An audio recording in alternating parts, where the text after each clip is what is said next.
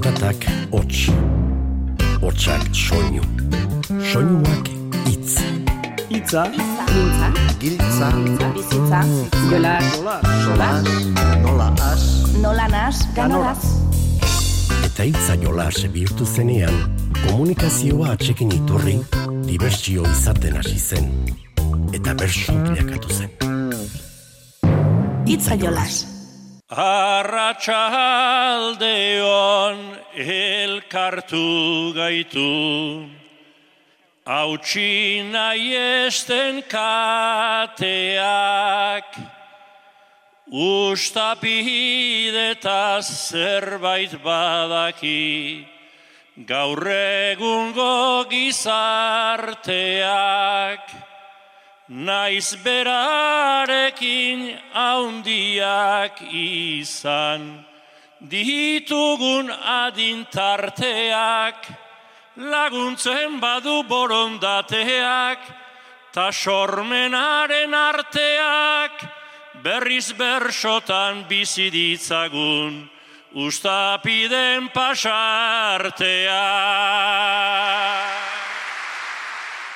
Arratxaldeon arazestuan memoria eginda jai. Bagara iru belaunaldita bersoariak ordarai. Uztapideren ondorengoek maixuari kantatu nahi. Ta uztapideren ondorengoen ondorengook ere bai.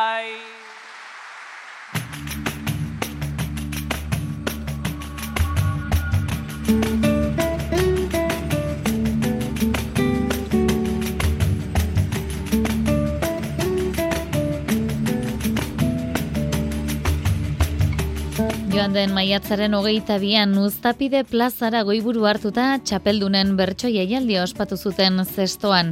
Txapeldun izan eta bizirik diren bertsolariek hartu zuten parte. Sebastian Lizasok, Andoni Egainak, Maialen Lujanbiok eta Amets Hartzailusek bapatean kantatuz eta Xabier Ramurizak bertso jarriak abestuz.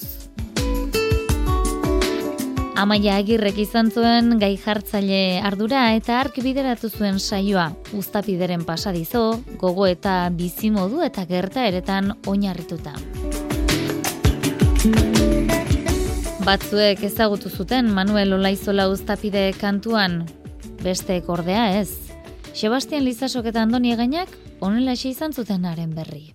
Nik Sebastian eta Andoni jakin nahiko nuke zuek nun eta noiz izan zenuten edo ezagutu zenuten uztapide.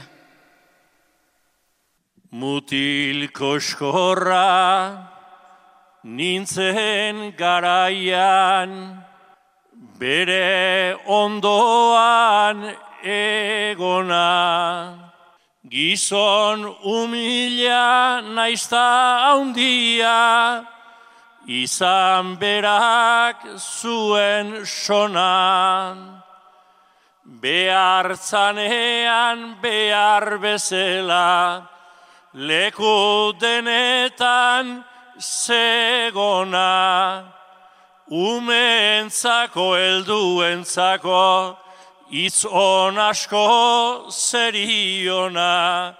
Bere txapelan azpian eta, Itzala hundiko gizona, bere txapelan azpian eta itzala hundiko gizona.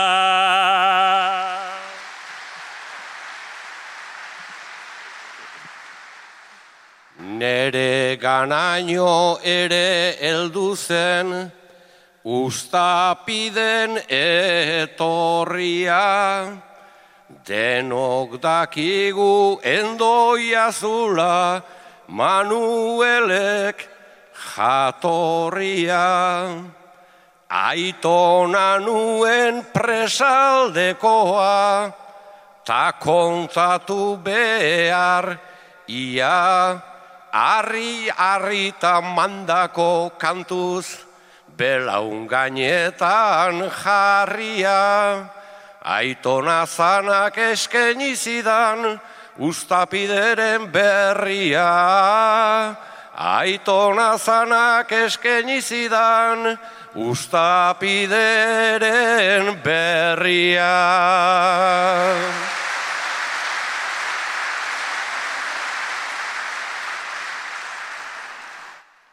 Landetan eta gure aitaren babesean edo jiran. Beraien gana urbiltzen nintzan, mutikoan ikus miran. Itxuturikan sarritan berak, egiten zuen dizdiran, hau eta hura galdetzen ion, nik jakiteko desiran, botatzen zitun arrazoiaiek, zutik angelditzen ziran, botatzen zitun arrazoiaiek, zutik angelditzen ziran.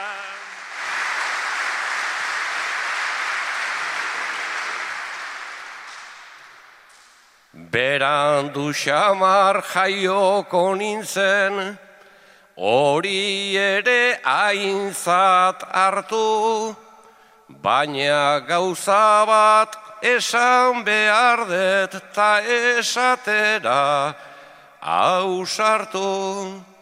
Lazka otxiki edo lasarte, Jose oranda hautatu. Jose Lizaso ta Mitxelena, ta gehiago ere kontatu, baina pena detuztapidekin, inoizen ula kantatu.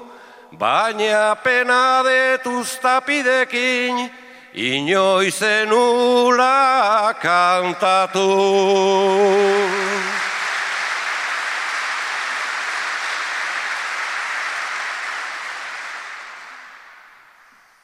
Naiz harremana mantentzen nuen, berarekin aspaldian. Ni plazan hasi berri nengoen, bera egoera geldian. Argitzen orduntxe hasi nintzen, bera itzali bidian, baina lasturren elkartu ginean, bengoan saio berian, ta elkarrekin kantatu gendun, hanbere omen aldian, ta elkarrekin kantatu gendun, Ambere omen aldia.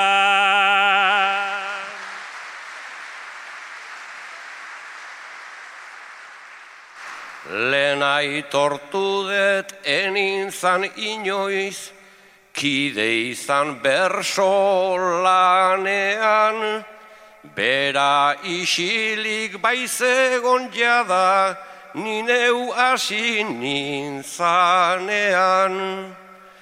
Elkargune bat bada ordea, azkenaren azkenean, ta arrotasun desente gizan, daramakit barrenean, ustapideri kantatu nion, bere hileta egunean, ustapideri kantatu nion, bere hileta egunean.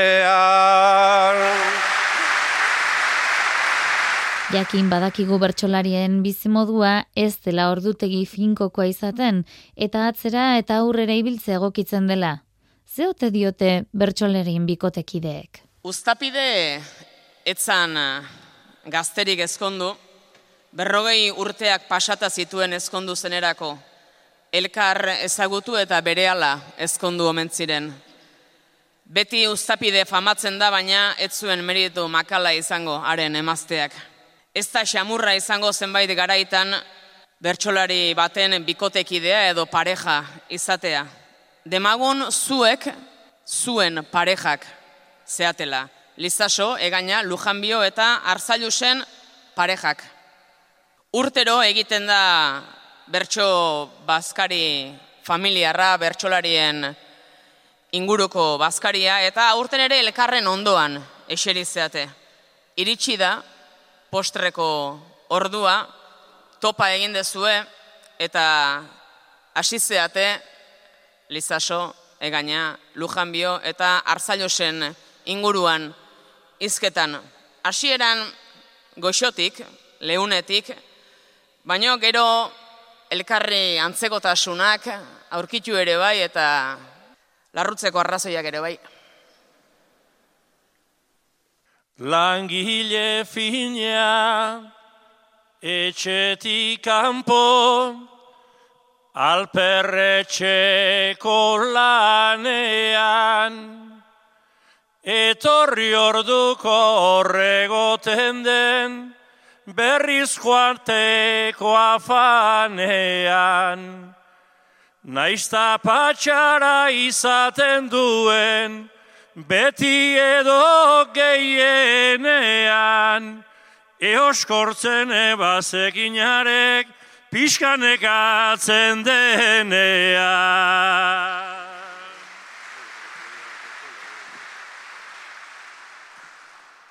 Ba gure andoni hainbat urtean, bersolarien planian, gazte garaian pensatzen inan, aigiza jo aulanian. Sufritu ere sufritzen inan, etxean etzegonian, eta orain gehiago sufritzen dinat etxean dagoen.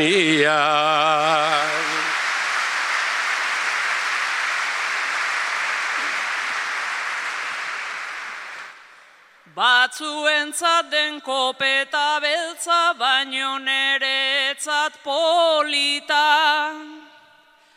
Are politota ederago, gerturaino etorrita. Saion batetik deitutakuan, boza kanbiatzen dintita. Nerekin sarri mutu osata, bersotan hain simpatika.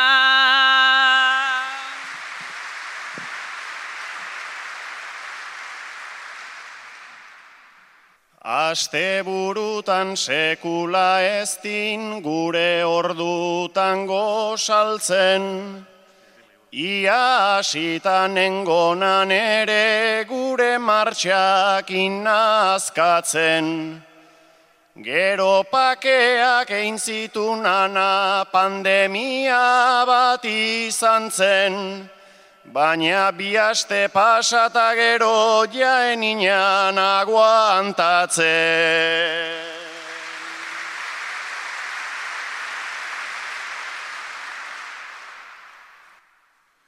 Ia honenak eman ditula, eta hasi naunke eskatzen, orain goizeta lehen goizaldera, unan etxera asaltzen.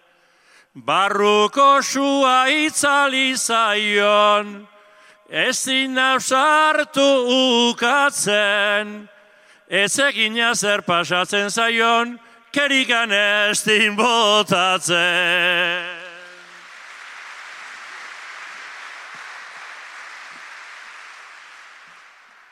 Nik nere lana etxetik kanpo eta etxeko ardura Gure andonik sortu arazi zizkidan amaika duda. Berso deiak nik hartzen ziskonat, tanik egiten faktura. Beak zeiten din bersoak bota lorito baten modura.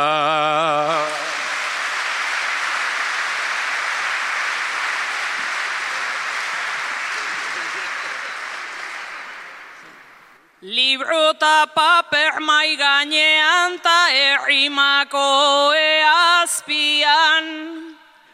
Bersota joana aste burutan, bersota joana astian. Ta baldakin ze esaten didan inoizke jatzen astian. Asko zoke omen dirala andonita Sebastian.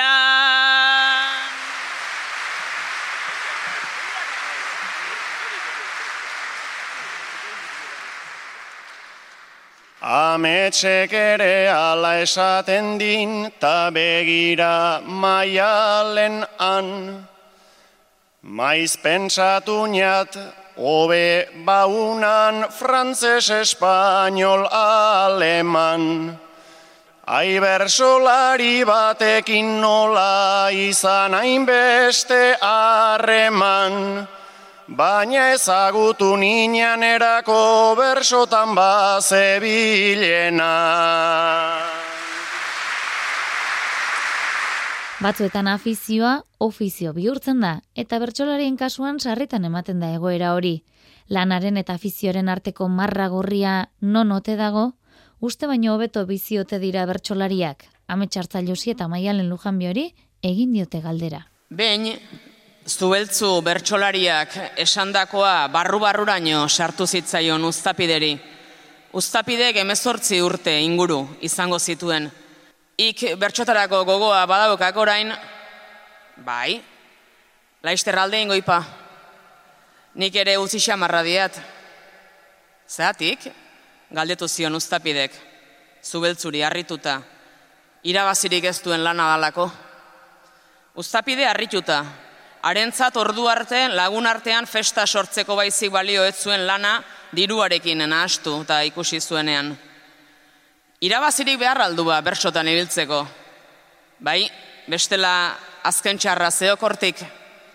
Gaztetan afizioa zaritzen dek bat, baino behin bere edade batera iritsi ezkero, gogoak alde egiten dik irabazirik eztan lekutan.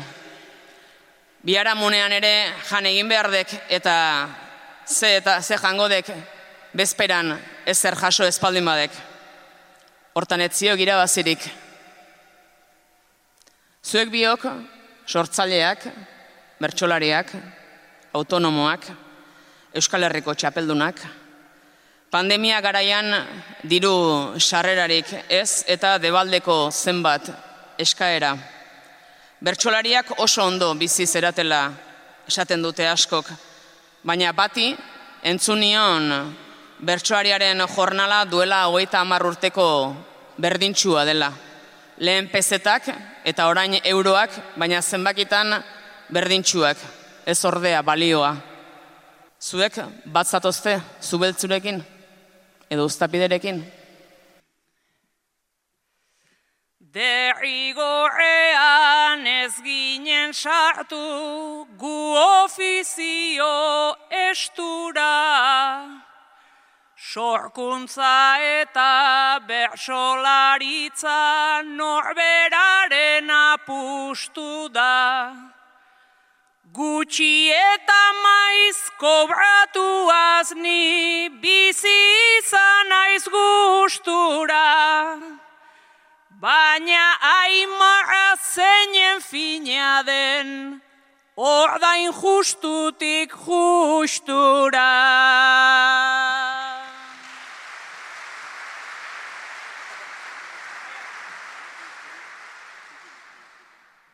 Naizta patrikak maiz egin didan saioen ostean zaunka. Euskal Herriko mila txokota lagun arte ditut mauka. Ta triste zauden zu beltzu horri esan nizuke aupa.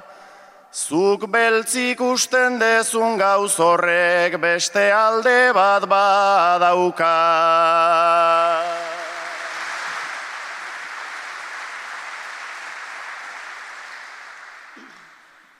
Prekariedade diote batzuk, badira hainbat iritzi. Ze bizi maila, ze bizi uste, non irikita noiz itxi. Urteekin gogua joaten dek, entzutea ere bitxi. Ni zorionez oraindik naiz adin hortara iritsi.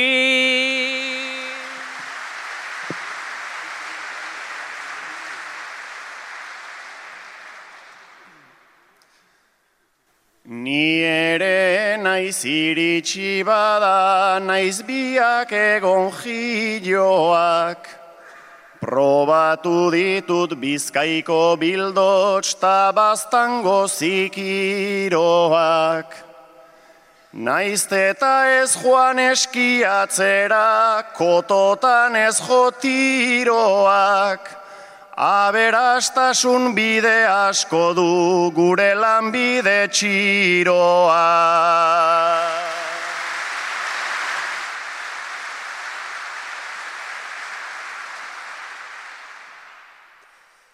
Aste burutan maiz nekatuta eta batzutan erreta.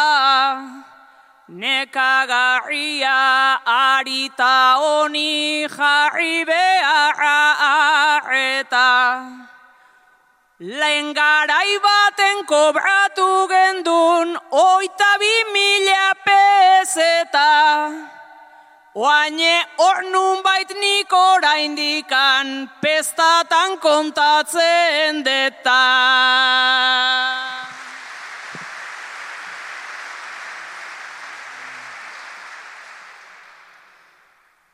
Nien aizari miserablezko kobrantzei fama emanez. Ez da bersoak balorerikan, ez da dukala esanez. Askotan gara gonbidatuak, ango jan eta edanez. Toki askotan pasatzen zaigu gasolindegietan ez.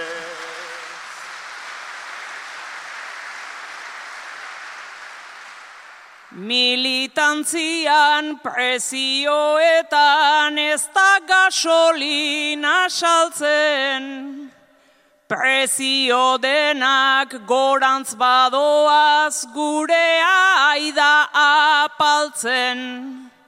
Zinegintzako ta musikako soldataik bada azaltzen.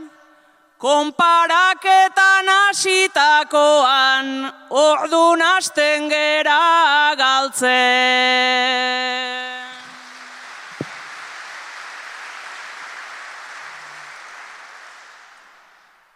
Pestatan zerbait kobratze omentzan, eta tarteka frankotan.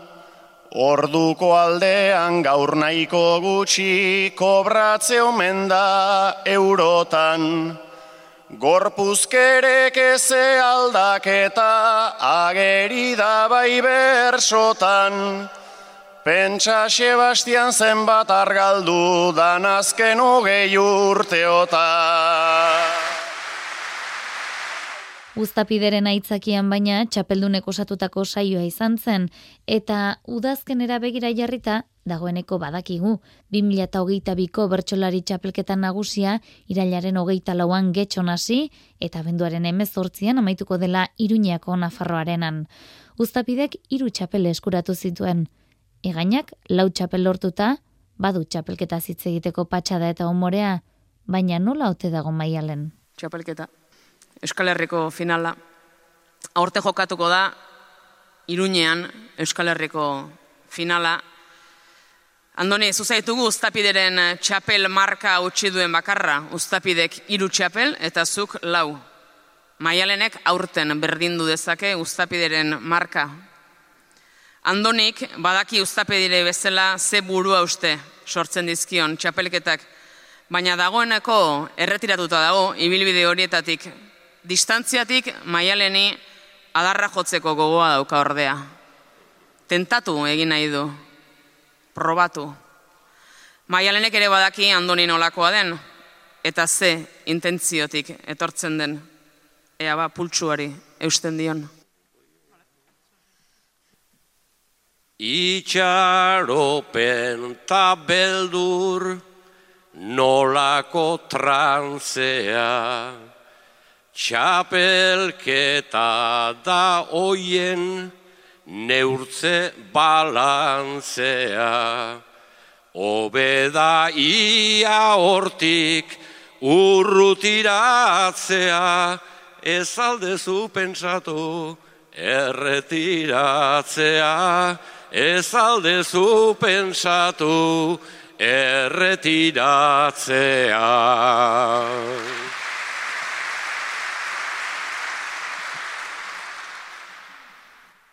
Baina erantzukizun bat daukadala kasu, Iruña alderantza ein behar det pausu. Oraingo zigual xamar gabiltzan itazu, abendun inbidia emango didazu, abendun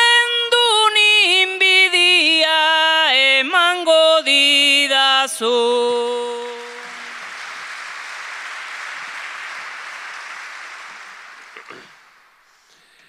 Txapelketa da jolas, latzen erresuma. Mila belarri tente, zer entzun ze suma.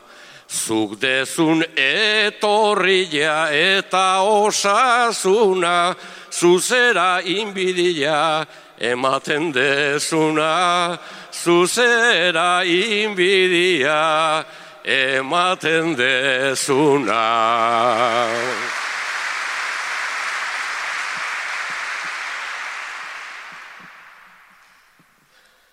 Baino txapelketa da, nere bertigoa, aneten gabea da, tiroa itiroa. Tanik nahiko nukena, justu hortik doa, nere osasunata, zure retiroa, nere osasunata, zure retiroa.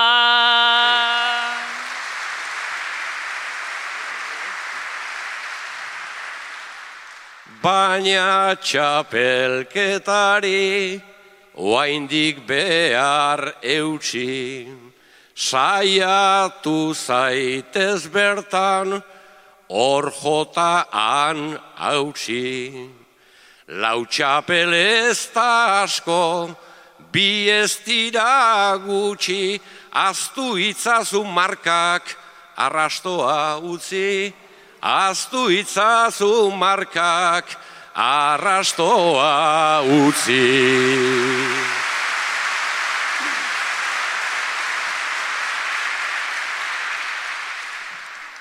Zipozkeritik kanpo, aholku xarmanta, nik ara eramango det, onenaren planta, ta iruñan besorik ederrena kanta, zuke pasa berdezu inbiri galanta, zuke pasa behar dezu, inbiri galanta.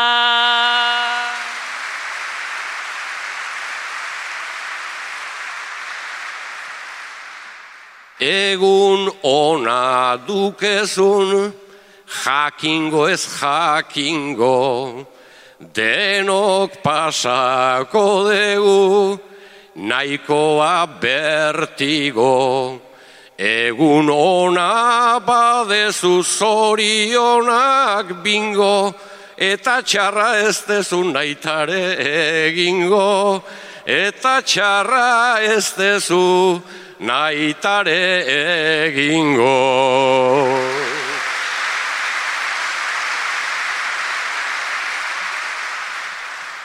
Zure markako betzen, ez diot nahiekin, konpara ez gaitezen, behorka erekin.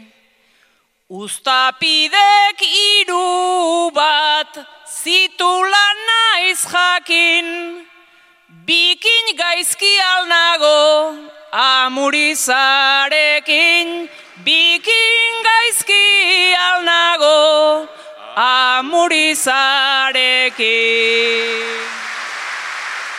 Ez pedi gertatu horrelakorik, baina suertatuko balitzere, nola konponduko ote zenukete arazo larri bat? Maialen lujan biok, onako ariketa egin du. Demagun maialen, ustapide bezalaxe bertsoak kantatzeko gai etzerala. Ahotsak utxe egin eta bertsoak kantatzeko modurik ez. Omenaldiz, omenaldi, zure esker ona agertzeko atzeko zein aukeratuko zenuke zure bertsoei ahotsa jarri ezaien. Bote prontuan Sebastian noski, bozera maile bapua, ahotsa dauka elegantea, potentea eta altua. Baino gizona eoskorra da eta bere erakua. Sebastianek kantatuko aldunik eskribitutakoa. Sebastianek kantatuko aldunik eskribitutakoa.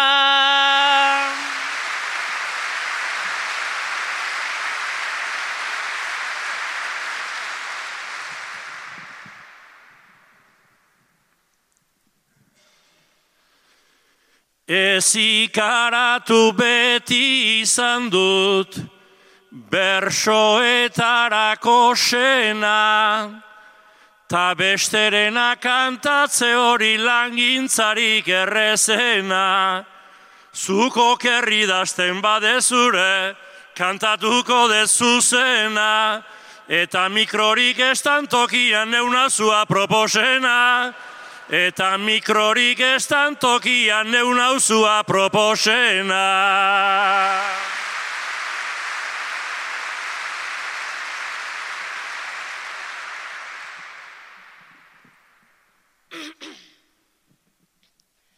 Andoni noski egin nezake, nere bertsoaren jabe, Naiz ez daukadan bedak adina fintasunta kalidade.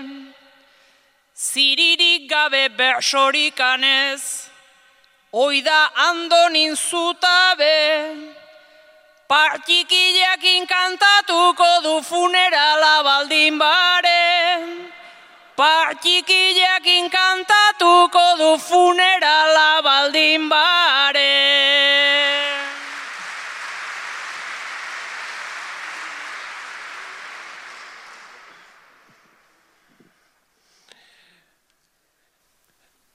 Zure bersoak irri txikiaz, kantatzeko nauzu bai gai.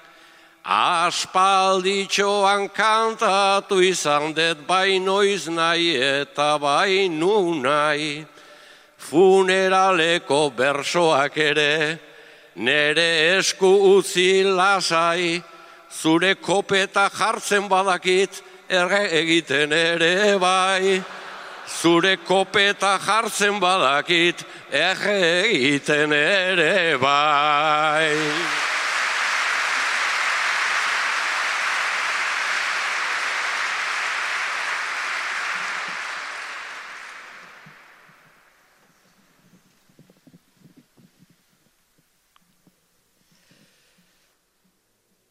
Ame txautatu beharko det ba, gehiago gabe nagota, gainera bera beti da nere gustoko bersolai mota, bere boza ta bere izkera, ta bere irudi sorta, nik idatzi ez da zuk asmatuta ere zait bate importa, Nik idatzi ez da zuk asmatuta ere zait bate inporta.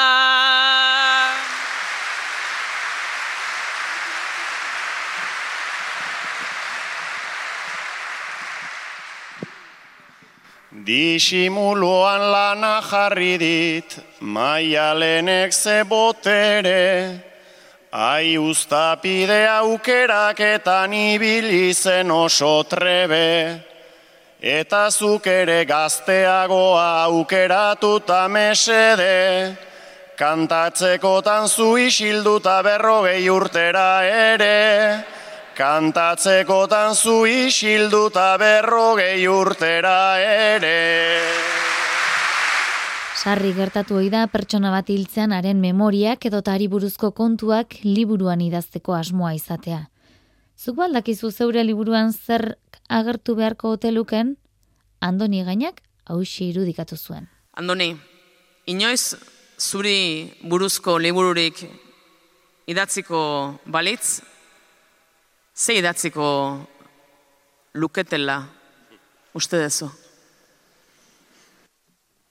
Andoni gaina hiltzen da, zeruetan dago maizter, naiz jainkoak desalojo, agindua eman laister, Euskal Herriko txapeldun, izan duzena lau bider, belaunaldi baten parte, Sebastianekin lider, baina nasten bazituen bere bersolan ta placer edo zer egiten zekin edaten zuen edo zer.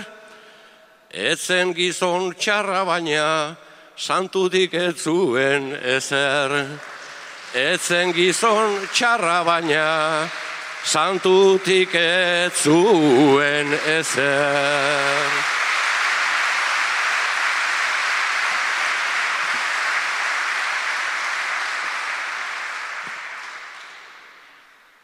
Euskal Herriko plazatan kantuan jarduna sarri sobratuta ibili zen eta ibili zen larri. Izakeraz inoiz goxo urrengoan gogor arri batzutan pasota utza, urrena zen bat aldarri, jende artea gustoko, lotzatia izugarri, plazan negar egiten zunta funeraletan irri, bere kontra esan oiek egin zuten maitagarri bere kontra esan oiek egin zuten maitagarri.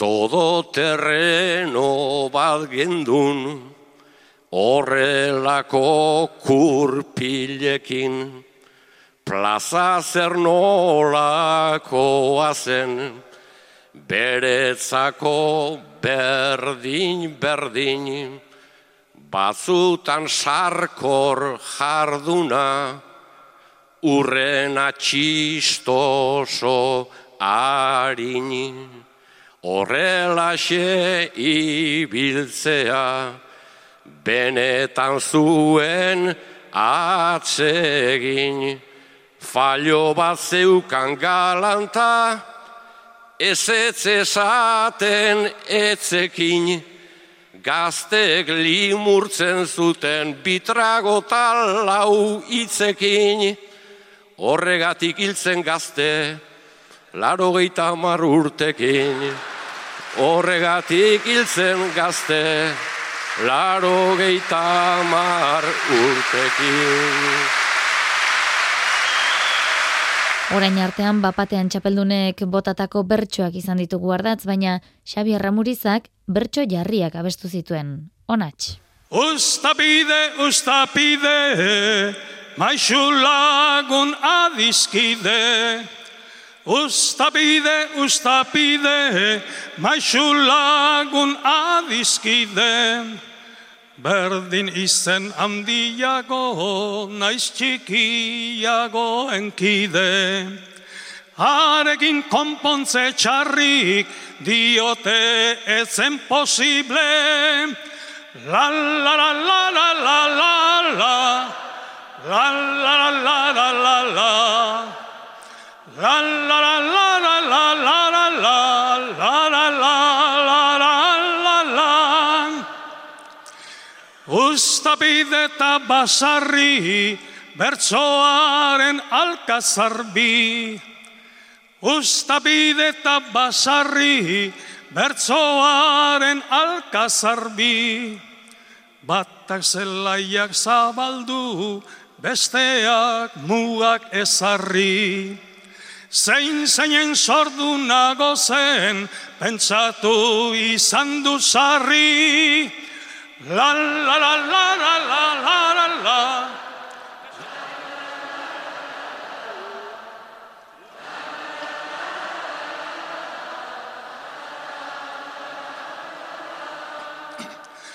Uztabide eta Salvador, zerbait indartsua dator. Uztabide eta Salvador, zerbait indartsua dator. Txistuen aurrean edo aldamioan erorkor. Zein hilko, zein salbatuko, misterio bat badahor. La la la la.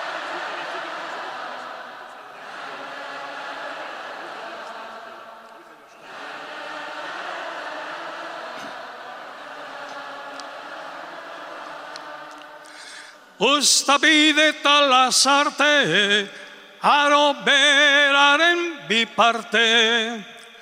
Uztabide eta lasarte, aro beraren.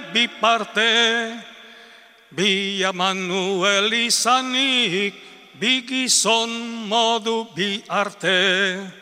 Izen horiek gaur ere, bioz kolpea dakarten. La la la la la la la la la.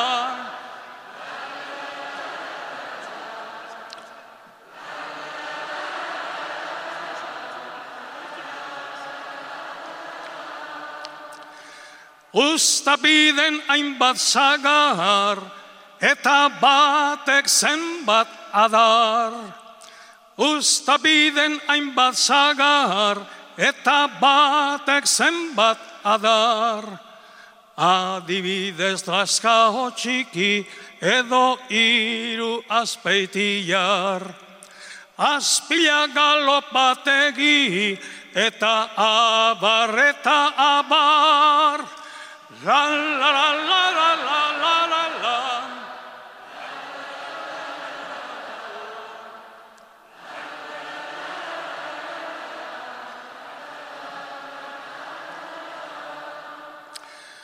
Uztabide amuritza, hortaz ezin asko mintza. Uztabide amuritza, hortaz ezin asko mintza. Gutxi gurutzatu baitzen, bien artean bizitza. Elkar maitatu zutela, bai eman dezaketitza. Lan, lan, lan.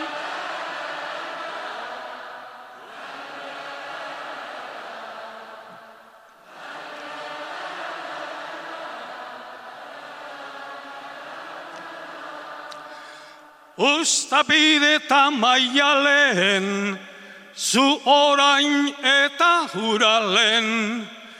Uztabide eta maialen, zu orain eta huralen. Zerpena ezin jakina, nola hartuko zintuen. Ziur naiz postuko zela, eta gozatuko gehien. La la la la la la la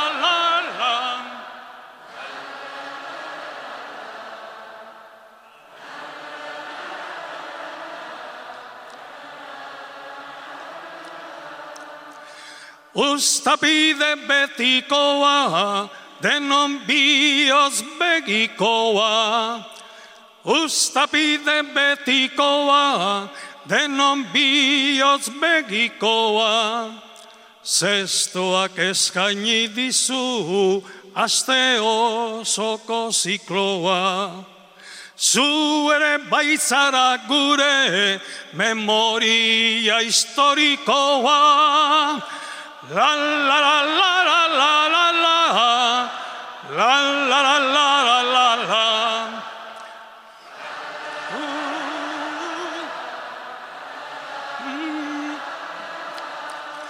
Uztabide begikoa, denen bihotz betikoa. Uztabide begikoa, denen bihotz betikoa. Zestoak eskaini dizu, aste osoko zikloa. Zu ere baitzara gure memoria historikoa. La la la la la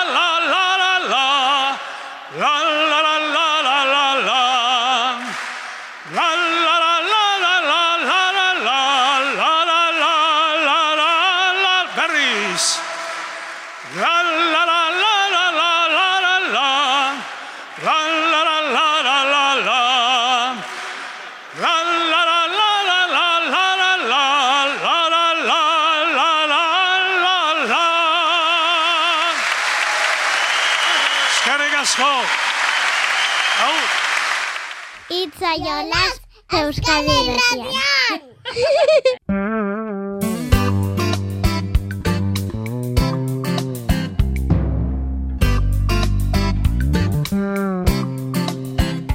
Hauxe izan da gaurkoa jaso zazue Julen San Martin teknikariaren eta bion agurrik beroena. Urren arte, ondo izan eta zaindu.